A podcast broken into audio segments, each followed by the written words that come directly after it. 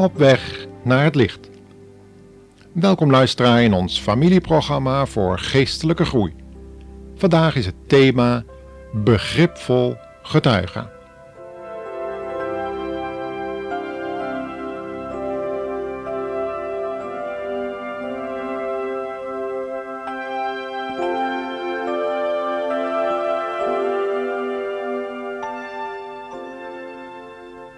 Heeft u wel eens met bedroefde en teleurgestelde mensen gesproken? Het zal ongetwijfeld zijn. En dan zult u ervaren hebben hoe moeilijk het is om zulke mensen met de juiste woorden op te beuren. Vooral als je zojuist zelf uit de problemen bent geholpen en vol vuur je eigen verhaal wil vertellen.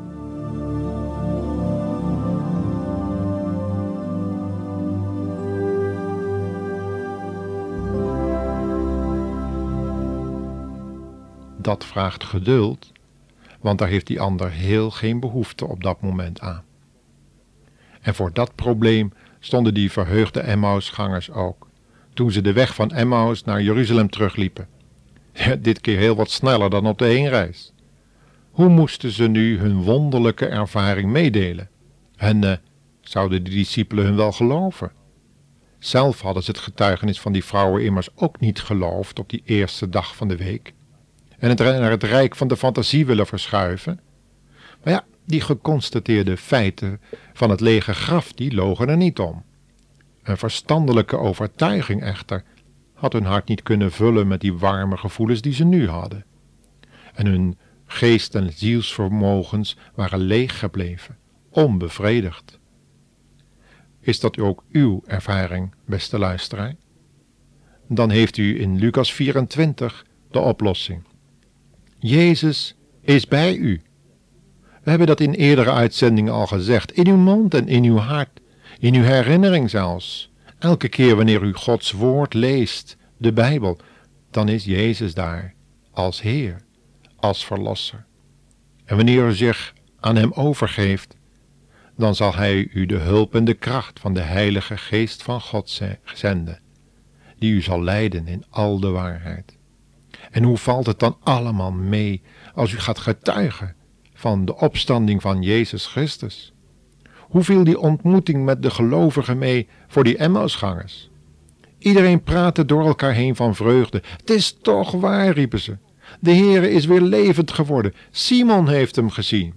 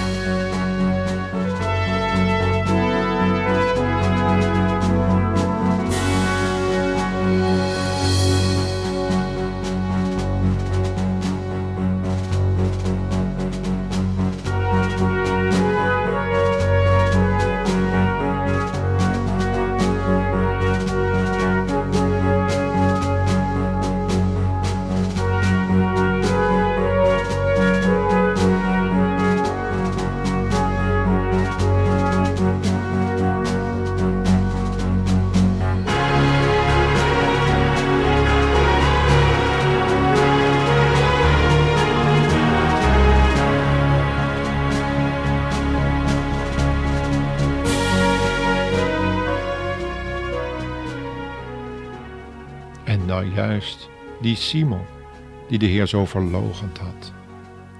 De twee mannen uit Emmaus vertelden dat ook zij Jezus hadden gezien, dat hij met hen was meegelopen en dat ze hem pas hadden herkend toen hij het brood brak en de leiding in hun leven had overgenomen. Wat werd de moeite die ze genomen hadden om de weg naar Jeruzalem terug te lopen beloond? Kent u die vreugde van het uitkomen voor de naam van Jezus, de Heer? Nemen we de moeite om anderen mee te laten delen in zijn vreugde, de vreugde van zijn opstanding? Of houden we al die ervaringen voor onszelf? Wees er dan zeker van dat uw zekerheid, uw vreugde en die geestelijke hoogtepunten spoedig zullen verdwijnen, wanneer we al die zekerheden voor onszelf houden. Laten wij die natuurlijke mensenvrees toch opzij zetten en onze schroom bij de Heere brengen met de volgende woorden: Bid u maar mee. Heer Jezus, ik ben bereid de weg met u terug te gaan. naar mijn broeders en zusters, mijn vrienden en bekenden, mijn zakenrelaties en familieleden, om hen op de hoogte te stellen van mijn bekering en uitredding.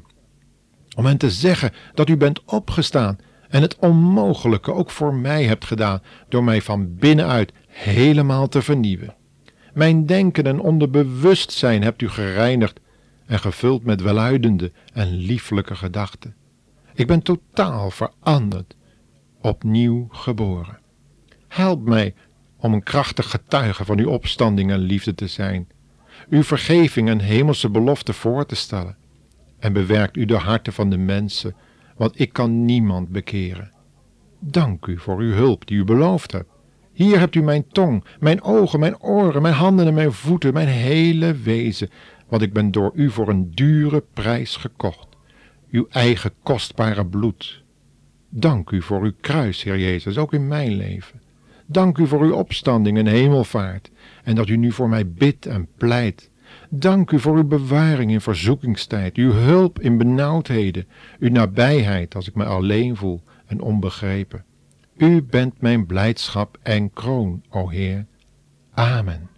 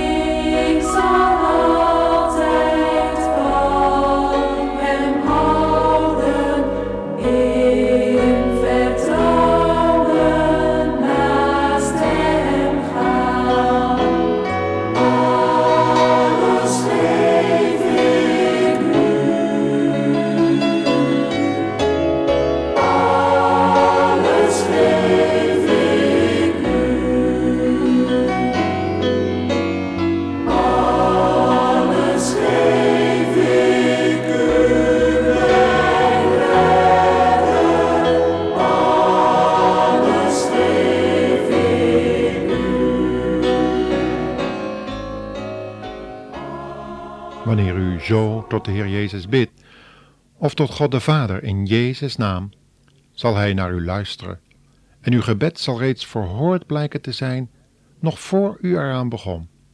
Hij alleen kende uw diepste gevoelens en verlangens, en kan die vervullen als ze tot Zijn eer blijken.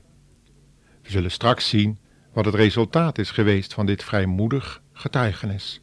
Hoor maar. En terwijl ze zo aan het vertellen waren, stond Jezus zelf plotseling bij hem. Ze schrokken allemaal en dachten dat hij een geest was. Waarom zijn jullie zo verstreek? vroeg hij. Waarom twijfelen jullie eraan of ik werkelijk dit ben?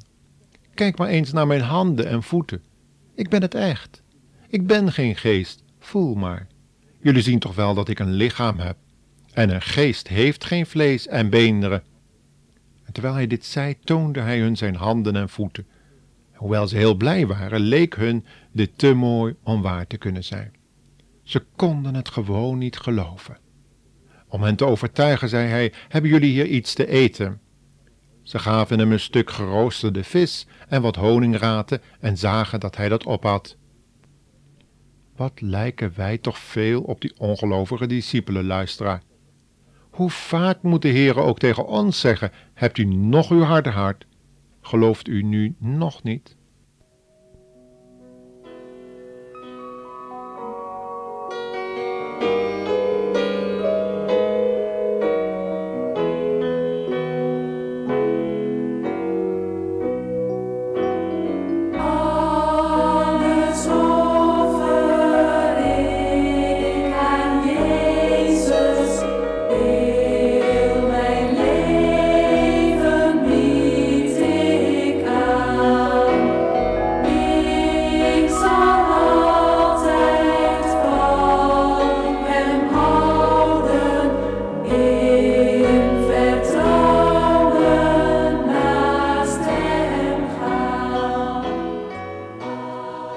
Dit treffende tafereel begint Jezus opnieuw de schriften te openen en uit te leggen.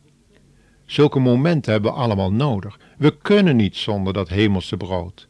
Zeker op de eerste dag van de week. Wanneer we als christenen bij elkaar komen om zijn dood en opstanding te verkondigen en zijn woord te beluisteren. Gods geest past dan het voorgelezen schriftgedeelte toe aan ons geweten, aan ons hart. Hij zal broeders uitkiezen die hij kan gebruiken als profeet of herder, leraar of evangelist, en die hij tot helpers in de gemeente heeft gegeven om die gemeente te laten groeien. Iedere gelovige heeft wel een lof- of danklied in zijn of haar hart, en de broeders kunnen dat als uit één mond zo'n lied inzetten. Christus zelf heft dan die lofzang aan, volgens Psalm 22, te midden van de broederen, die tot zijn naam samenkomen. Ja, allen kunnen amen zeggen op het gebed of het lied wat aan de Heere God, de Vader en de Zoon gewijd is. Laten we nu eens lezen welk effect de verschijning van Jezus op het denken en voelen van de discipelen heeft gehad. We lezen dat in Lucas 24, vers 45. En hij legde hun vanuit de boeken van Mozes, de psalmen en de profeten uit hoe alles wat met hem gebeurd was, werkelijkheid was geworden. Hij deed dat zo duidelijk dat ze het ineens helemaal begrepen. In een oude Nederlandse statenvertaling staat het er zo.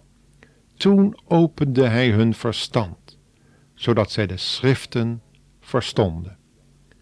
Beste luisteraar, is dat met u al gebeurd? Begrijpt u wat u leest als de Bijbel geopend wordt? Inderdaad, we hebben soms een uitlegger nodig. Maar dikwijls legt de schrift zichzelf uit. Als we maar eenmaal geleerd hebben hoe wij die Bijbel moeten lezen. Luther heeft eens van zijn geschriften over de Bijbel gezegd: Wanneer de mensen eenmaal de Bijbel zelf hebben leren lezen, mogen ze al mijn geschriften verbranden. Willen wij de moed opbrengen onze vragen eerst bij de Heer Jezus, onze God en Vader, bekend te maken? Hij kan dan, soms heel onverwachts, en van een zijde waar wij misschien nooit van verwacht hadden, hulp geven. Laat ik dat met een praktisch voorbeeld uit mijn eigen leven duidelijk maken. Er is een tijd geweest dat ik erg depressief was. Ik had de Heer Jezus aangenomen als heiland en verlosser, maar ik was nog wel veel met mijzelf bezig. Ik ondervond de nare gevolgen van een bepaalde gedachte die door een formalistische opvoeding gevoed werd. Ik kende God ook niet als mijn vader. Ik moest wennen aan de gedachte dat God het inderdaad een God van liefde was en een vader voor mij wilde zijn in Christus Jezus door zijn volbrachte werk. Ik moest nog leren wat Jezus bedoelde toen hij zei: Wie mij gezien heeft, heeft de Vader gezien. Op deze manier hadden mijn ouders mij nooit geleerd om God te beschouwen en dat ook nooit voorgeleefd, helaas. Tot dat moment in die donkere nacht. Nooit zal ik vergeten hoe God een klein meisje van vijf jaar, ons eigen dochtertje, voor mijn bevrijding wilde gebruiken. Want een bevrijding was het. Midden in die nacht, terwijl een depressie als een donkere wolk over mij heen kwam en alles nacht werd voor mijn ziel, kwamen de tranen. Ik had alles wat mijn hart eigenlijk begeerde: een fijne vrouw, lieve kinderen, een goed mooi huis, een zeer goede baan eigenlijk alles wat iemand zou kunnen wensen in zijn leven. Waardering en alles wat we nodig hadden voor de opvoeding. En toch, ik was depressief. Ik zat met mijn, hand, mijn handen onder mijn hoofd aan de tafel. Iedereen sliep. Ik dacht dat minste. Plotseling schrok ik op uit mijn somber peins. Een bezorgd kinderstemmetje vroeg, het is nu al achttien jaar geleden, vroeg wat mij scheelde. Ik antwoordde verdrietig dat ik God kwijt was en me daarom zo leeg en donker van binnen voelde. Ik realiseerde me niet dat een kind van vijf daar niets van begrijpt. Toen zei ze iets wat ze misschien nooit meer heeft herinnerd, maar wat ze misschien eens opgepakt had uit een gesprek, maar niet begrepen kan hebben. Hoort u maar wat ze zei. Papa, de Heere heeft toch gezegd, nabij u is het woord, in uw mond en in uw hart. Ze gaf mij een kus en keerde zich slaperig om en verdween in bed. Op dat moment gebruikte de Hemelse Vader ons eigen kleine meisje om een gedeprimeerd kind van hem te troosten en te bemoedigen met begrip en mededoog. Zo is God. Hij wil ook uw verstand verlichten, zoals die Emmausgangers en bij al die discipelen werd gedaan. Hij wil ook u uit de put helpen, dicht bij u zijn, want God verhoort uw hulpgeroep. Tot de volgende nieuwe serie programma's. God zegen u.